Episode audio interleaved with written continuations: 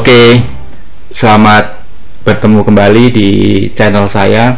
Kali ini uh, kita hari ini agak beda lagi. Kita ada segmen baru namanya dialog sama anak. Hmm, kalau kemarin ngobrol bareng istri, ini dialog sama anak. Dan uh, teman-teman yang mungkin uh, pernah dengerin channel podcast saya sudah tahu bahwa saya sudah punya channel podcast saya juga sering ngobrol sama anak-anak gitu ya banyak hal ya tentang musik lah tentang buku dan lain-lain. Terakhir kemarin saya ngobrol sama anak saya yang ini tentang investasi. Nah jadi dia kemarin cerita soal bagaimana dia sebagai seorang milenial merencanakan keuangannya di masa depan. Kenapa? Karena ternyata sekarang banyak milenial yang gak ngerti soal bagaimana merencanakan keuangannya di masa depan. Jadi uh, uh, blank aja gitu. Nah, hari ini kita akan ngobrol-ngobrol santai sama Alifa.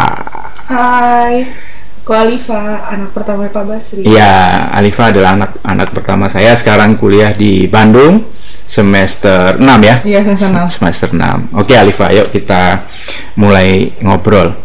Ini udah berapa hari ini libur di rumah? kurang lebih tiga minggu kali ya tiga minggu ya, ya. sejak uh, ya tiga minggu yang lalu dijemput dari Bandung karena naik kendaraan umum sudah sangat berisiko ya. Pulang ke Bogor. Di Bogor ngapain aja?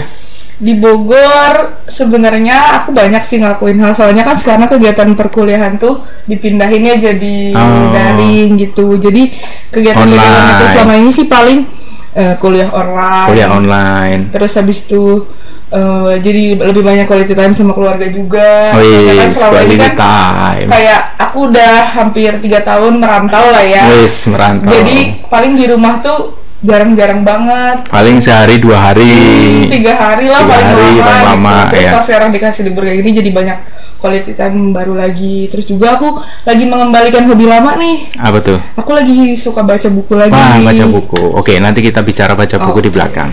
Nah, Alifa Alifa kan uh, sekarang studying from home ya udah yes. bu bukan work from home dong yeah, studying study from, from home. home study from home nah uh, bagaimana sih uh, kalian yang mahasiswa ini uh, belajar dari, dari rumah dan apakah memang sudah biasa melakukan kayak gini sebelum kejadian wabah corona ini gitu Oke, jadi semenjak yang ada keputusan rektor waktu itu ada surat edaran bahwa pembelajaran daring itu semua aku dan termasuk teman-teman aku langsung pada pulang ke kamu halamannya masing-masing. Terus mulai dari surat edaran itu juga kita udah mulai melakukan pembelajaran daring. Hmm. Nah, pembelajaran daring itu gimana sih? Biasanya sih kita ngelakuin uh, video konferensi gitu sama dosennya pakai ada uh, melalui aplikasi-aplikasi yang udah lumayan terkenal lah ya. Dan itu dulu memang sudah biasa nah, dilakukan. Nah, dulu tuh sebenarnya nggak pernah kayak gitu. Jadi hmm. sebenarnya uh, metode daring ini nggak cuma mahasiswa doang yang belajar tentang metode daringnya, tapi dosen-dosennya juga. Oke. Okay. Uh, jadi bagus dong ya. ulang lagi gitu loh gimana sih caranya terus ngikutin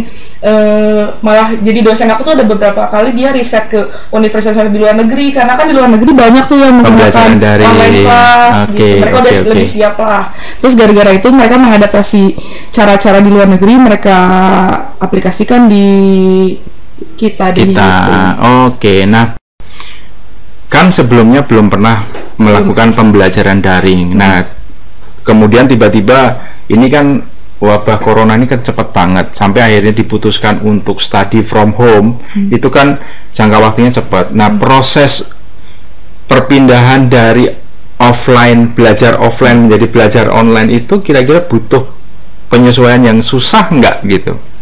E, penyesuaian susah sih enggak, cuma pas awal-awal e, paling ada dari kan dari keputusan rektor itu paling hmm. kita mulai belajar online tuh tiga hari atau empat hari setelah kita dapat pengumuman itu jadi hmm. nggak hmm. pengumuman itu keluar hari itu kita belajar online nggak hmm. nggak juga jadi e, pertama kali sih pasti bingung ini gimana caranya hmm. cuma lama-lama terbiasa karena ternyata jauh lebih gampang juga kalau kataku sih lebih fokus juga belajar lewat daring soalnya kan kalau di kelas kan kita bisa ngobrol sama temen kalau nah, di online kan ya. kita ya mau nggak mau harus merhatiin dosennya fokus, aja gitu. fokus jadi sebenarnya buat beberapa orang work study from home itu blessing in disguise ya hmm. blessing in disguise dari wabah corona hmm. karena kita jadi belajarnya bisa lebih efisien efektif dan fokus hmm, gitu dan kalau teman-teman Alifa ada kendala nggak dengan sistem uh, study from home ini? Eh, rata-rata sih kendala utama itu pada di sinyal ya soalnya kan Oh, teman-teman aku kan gak cuma ada di Pulau Jawa ada juga di pulau-pulau yang kayak Sumatera terus Hmm. eh, Kalimantan gitu-gitu juga ada jadi pas di kota mereka mungkin sinyal juga nggak terlalu Bagus. bagus, jadinya ada hambatan sih tapi biasanya sih dosen memaklumi kalau misalnya Hmm. yang luar kota atau nggak ada sinyal itu ya udah nggak apa-apa gitu Oke, tapi eh, apakah mereka masih pakai yang sinyal dari handphone atau sudah pakai wifi gitu? ternyata aku baru tahu eh, teman-teman aku tuh nggak semuanya pakai wifi. Oh, jadi gitu. masih ada juga yang ternyata pakai kuota pakai gitu. kuota. Dan itu cukup menguras kuota sangat. ya. Ya Eh, jadi buat mahasiswa berasa banget. Ya sebenarnya berasa bapaknya ya. Kalau mahasiswanya nggak berasa tinggal minta ke bapaknya. Oh jadi gitu ya kendalanya. Jadi lebih karena infrastruktur Ya, internetnya sih, masih belum ini ya. Mungkin ke depan dari sini pemerintah bisa belajar ya bahwa pembelajaran online membutuhkan infrastruktur internet yang bagus gitu. Dan ini para usernya udah siap tinggal infrastrukturnya diperbaiki gitu. Nah kan apa tadi eh, karena wabah corona kemudian ada di rumah kemudian ada kuliah online tapi kan nggak 24 jam kuliah nggak bukan waktu kita habiskan untuk kuliah online aja. Apa sih yang biasanya para milenials Alifa dan teman-teman yang lain lakukan ketika di luar jam kuliah? Apakah tetap produktif sebagaimana kalau misalnya masih di kampus bisa ikut organisasi dan lain-lain? Atau ngapain sih? Kalau masalah organisasi sebenarnya itu juga eh, agak lumayan ini ya terganggu sih kegiatan organisasi tapi tetap juga buat teman-teman yang masih organisasi mereka biasanya juga tetap ada rapat-rapat Hmm, online gitu. rapat online. Hmm, Oh, oke. pakai aplikasi itu juga sama rapat Hmm. online sama teman-temannya. Terus juga kalau aku ngeliat dari instastory teman-teman aku tuh sekarang lagi pada suka banyak yang masak, terus juga Oke. eh, TikTok kan kalau anak muda zaman sekarang tuh Oke. bikin video-video masa itu kan kalau yang cewek-cewek apa yang cowok-cowok juga ikut Kalau masak? cowok-cowok tuh pada suka ini workout gitu, jadinya mereka Workout. jadi jauh lebih olahraga gitu. Oke. Padahal waktu kuliah kan ya nggak jarang olahraga banget gitu. Iya iya iya iya iya iya. Jadi apa namanya tetap tetap produktif ya, Hmm. tetap produktif. Walaupun sebenarnya kalau untuk kegiatan kemahasiswaan akhirnya kegiatannya nggak ada ya, Mm-mm, nggak ada. event nggak ada gitu. Jadi ya hanya untuk silaturahmi aja pada Hmm. akhirnya ya. Gitu. Nah terus eh, kan teman-teman Alifa kan banyak yang dari eh, luar kota. Apa yang teman-teman yang paling jauh laku? Dari mana sih yang paling jauh? Aku punya teman dari Medan ada Medan. eh, siapa namanya? namanya Aji, Hai Oh Aji, halo tahun. Aji. Aji ngapain nih sekarang? Apa kegiatan dia? si Aji tuh dia dia tuh emang anaknya suka banget di rumah sih waktu Oh, mager, juga mager. dia suka banget di kosan jadi Ah, ketika ada liburan ini dia kayak bahagia sih Oh sebenarnya bahagia ya, oh bagus lah ya, bagus lah. Jadi eh, ini apa memberi apa namanya memberi waktu untuk memenuhi passionnya Aji nih, ya untuk bisa stay di rumah gitu ya. Masih suka sih itu. Ah, selain Aji yang jauh ada dari Padang juga ada Padang, ada siapa namanya yang dari Padang? ada namanya Filza Fuji di dari Padang juga Ah, Oke, yang Jabotabek, Jabotabek. yang Jabodetabek banyak sih ada Milzam tuh di Depok Nah di Depok gimana tuh kan Depok kan termasuk daerah Iya. eh, merah kan itu kan kategorinya. Apa yang eh, eh, Alifa dengar dari Aji tentang Milzam. kegiatan keka- kegiatan si Milzam Zareri dengan kondisi Depok yang seperti itu? Gitu. Dia sih ini katanya sih dia di rumah aja soalnya juga orang tuanya cukup strict ya tapi dia tetap Hmm. masih melakukan eh, aktivitas-aktivitas yang olahraga kayak dia suka main pingpong gitu-gitu yang gampang-gampang Ah, Oke, lah Yang memang tidak perlu harus Mm-mm. keluar rumah Terus juga jauh-jauh. dia jadi kalau di Nangor dia suka jadi malas ngerjain tugas kalau sekarang jadi bikin laporan PKL gitu gitu lah oke, dia jadi agak lebih rajin lah kalau di rumah. Bagus. Oke, jadi bisa lebih cepat ya eh, laporannya selesai ya. Oke oke bagus. Jadi tetap walaupun eh, jauh dari kampus ya kan tadi ada yang di Medan, ada yang di Padang gitu ya. Depok kan Depok dari Bandung jauh ya. Tetap semua produktif dengan aktivitasnya masing-masing. Nah tadi balik lagi. Tadi kan Alifa kan bilang bahwa dengan eh, libur yang panjang ini Alifa jadi punya balik lagi ke hobi lamanya gitu hobi lamanya adalah baca Hmm, gitu nah betul. apa buku yang lagi dibaca sekarang Eh, s- aku sekarang sih lagi baca banyaknya baca novel sih. Novel. Apa tuh novel yang lagi dibaca? Aku sekarang yang lagi paling baca seru. se- eh, serial Bumi, tapi kalau misalnya yang terakhir aku baca terus Ini kalau nggak salah ba- ya, ini serial Iya. Bumi ini yang kita juga lagi baca itu ada satu dua tiga empat lima enam enam eh, tujuh ya tujuh buku tujuh novel yang tebelnya segini segini. Itu Oke apa sekarang yang lagi? terakhir aku baca. Oke, yang baru beres. Yang baru beres kemarin tuh aku ada buku suka banget judulnya namanya Guru Aini. Itu buku menurut aku bagus banget sih untuk Guru. Aini yang nulis Andrea Hirata. Andrea Hirata gitu ya. Apa sih yang bikin buku itu bagus banget? Jadi itu menurut aku itu sih contohnya bukan kayak mahasiswa gitu ya, Hmm, tapi menurut aku itu sangat relate banget sama anak-anak mahasiswa. Kenapa? Hmm, Soalnya aku tuh? tuh kalau denger anak-anak mahasiswa, mereka tuh kayak insan-insan yang punya idealisme tinggi gitu loh. Eh, kalau di kampus tuh kayak banyak orang yang suka mempertahankan idealisme, tapi itu sering dikucilkan gara-gara ah terlalu idealis Oh, gitu. oke, benar, Jadi aku tuh Iya bingung sebenarnya orang Sebenarnya nggak cuma di mahasiswa di kehidupan nyata kan Hmm. seperti itu gitu. Nah, makanya aku sebenarnya bingung sebenarnya orang punya idealisme yang sangat kuat, orang yang sangat idealis itu tuh sebenarnya bagus atau enggak? Nah, Orang yang punya prinsip. prinsip. Hmm. Nah, dia tuh punya tujuan mimpi itu tuh sebenarnya bagus atau enggak sih? Nah, Hmm. aku tahu jawabannya di buku guru Aini ini gitu. Oke, boleh dong cerita tentang Guru Aini ini tokohnya namanya siapa? Kemudian kenapa kok judulnya Guru Aini? Terus ceritanya bagaimana? Endingnya seperti apa Nah, gitu? spoiler nggak apa-apa. Nggak apa-apa. Review gitu. lah ya, Nah, review. review Kan lah nanti ya. kan tetap harus baca. Iya, jadi Ya kan? itu ceritanya tentang seorang anak namanya Desi. Jadi De- Desi ini bercita-cita sebagai guru gitu. Oh, si Desi pengen jadi guru. Nah, si Desi pengen Oke. jadi guru. Nah, eh, banyak lah rintangan dia tuh pinter banget. Banyak Hmm. rintangannya dari ayahnya tuh tadinya nggak setuju dia jadi guru ya pengennya tipikal pengen jadi kalau anak pintar tuh jadi dokter gitu Oh, ya. iya, iya, iya. Nah, si Desi tuh bilang dia pengen jadi guru. Nah, kenapa dia pengen jadi guru? Karena dia punya inspirasi seorang guru. Jadi Hmm. dia tuh pengen jadi kayak gurunya gitu. Oke, nah, oke. abis itu si guru Desi ini setelah udah jadi guru, dia tuh punya mimpi untuk dia melahirkan seseorang seperti dia Oke. matematika ya yang Mhm. di mana pada saat itu matematika itu sangat dibenci sampai sekarang mungkin ya masih Iya, iya, dibenci iya. lah ya Iya sih, iya sih, iya sih.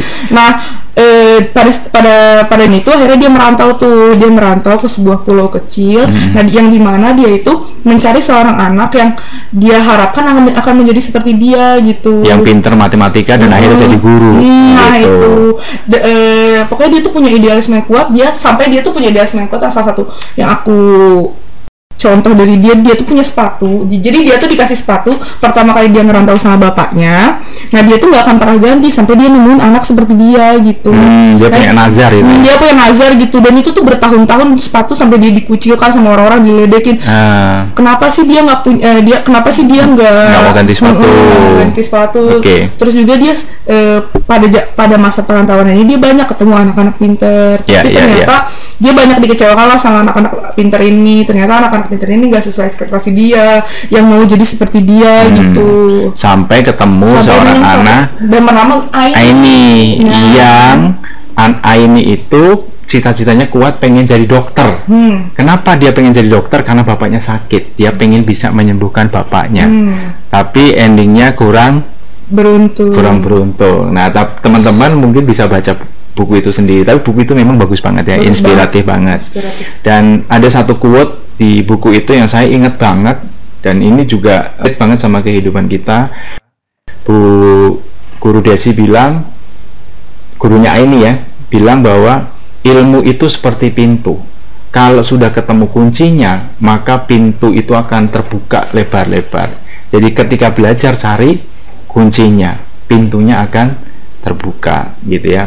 Nah itu ya eh, cerita yang Hmm, bisa didapat dari eh, guru Aini. Jadi teman-teman yang mungkin mau pengen bacaan di saat study atau work from home ini boleh deh baca buku guru Aini. Saya nggak dibayar untuk endorse ya, tapi ini memang buku inspiratif banget. Di mana kadang-kadang betul kita orang-orang yang ada orang-orang yang punya prinsip kuat itu justru dibenci oleh lingkungannya. Kenapa? Karena lingkungannya biasanya tidak terlalu suka pada orang-orang yang punya tujuan, impian, prinsip yang kuat.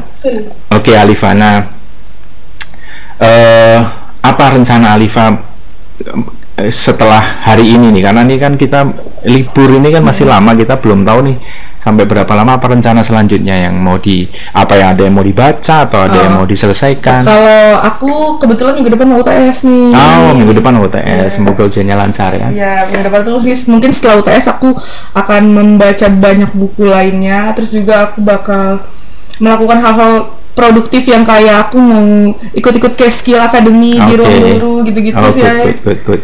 Ya gitu-gitulah ngisi hal-hal yang produktif. produktif Selain juga have fun sama keluarga gitu. have fun dan keep in touch sama teman-teman yang tadi ya ada siapa tadi Aji ada Milzam ada siapa lagi Filza dan lain-lain ya teman-teman Alifa yang lain oke Alifa eh, menarik banget hari ini eh, perbincangannya dialognya Eh, nanti kita dialog lagi di video yang lain lagi. Nanti kita bicara hal-hal lain terutama investasi di kalangan milenial karena Alifa ini cukup maju nih kalau urusan investasi di milenial. Reksadana sekarang lagi kurang bagus ya nggak masalah gitu ya tapi dia tahu apa yang dia harus lakukan. Nah, itu menarik untuk kita bahas di video selanjutnya. Oke eh, terima kasih Alifa. Eh, hari ini obrolannya bagus banget. Eh, pesan buat teman-temannya jangan lupa klik like Like. dan share bye Dah.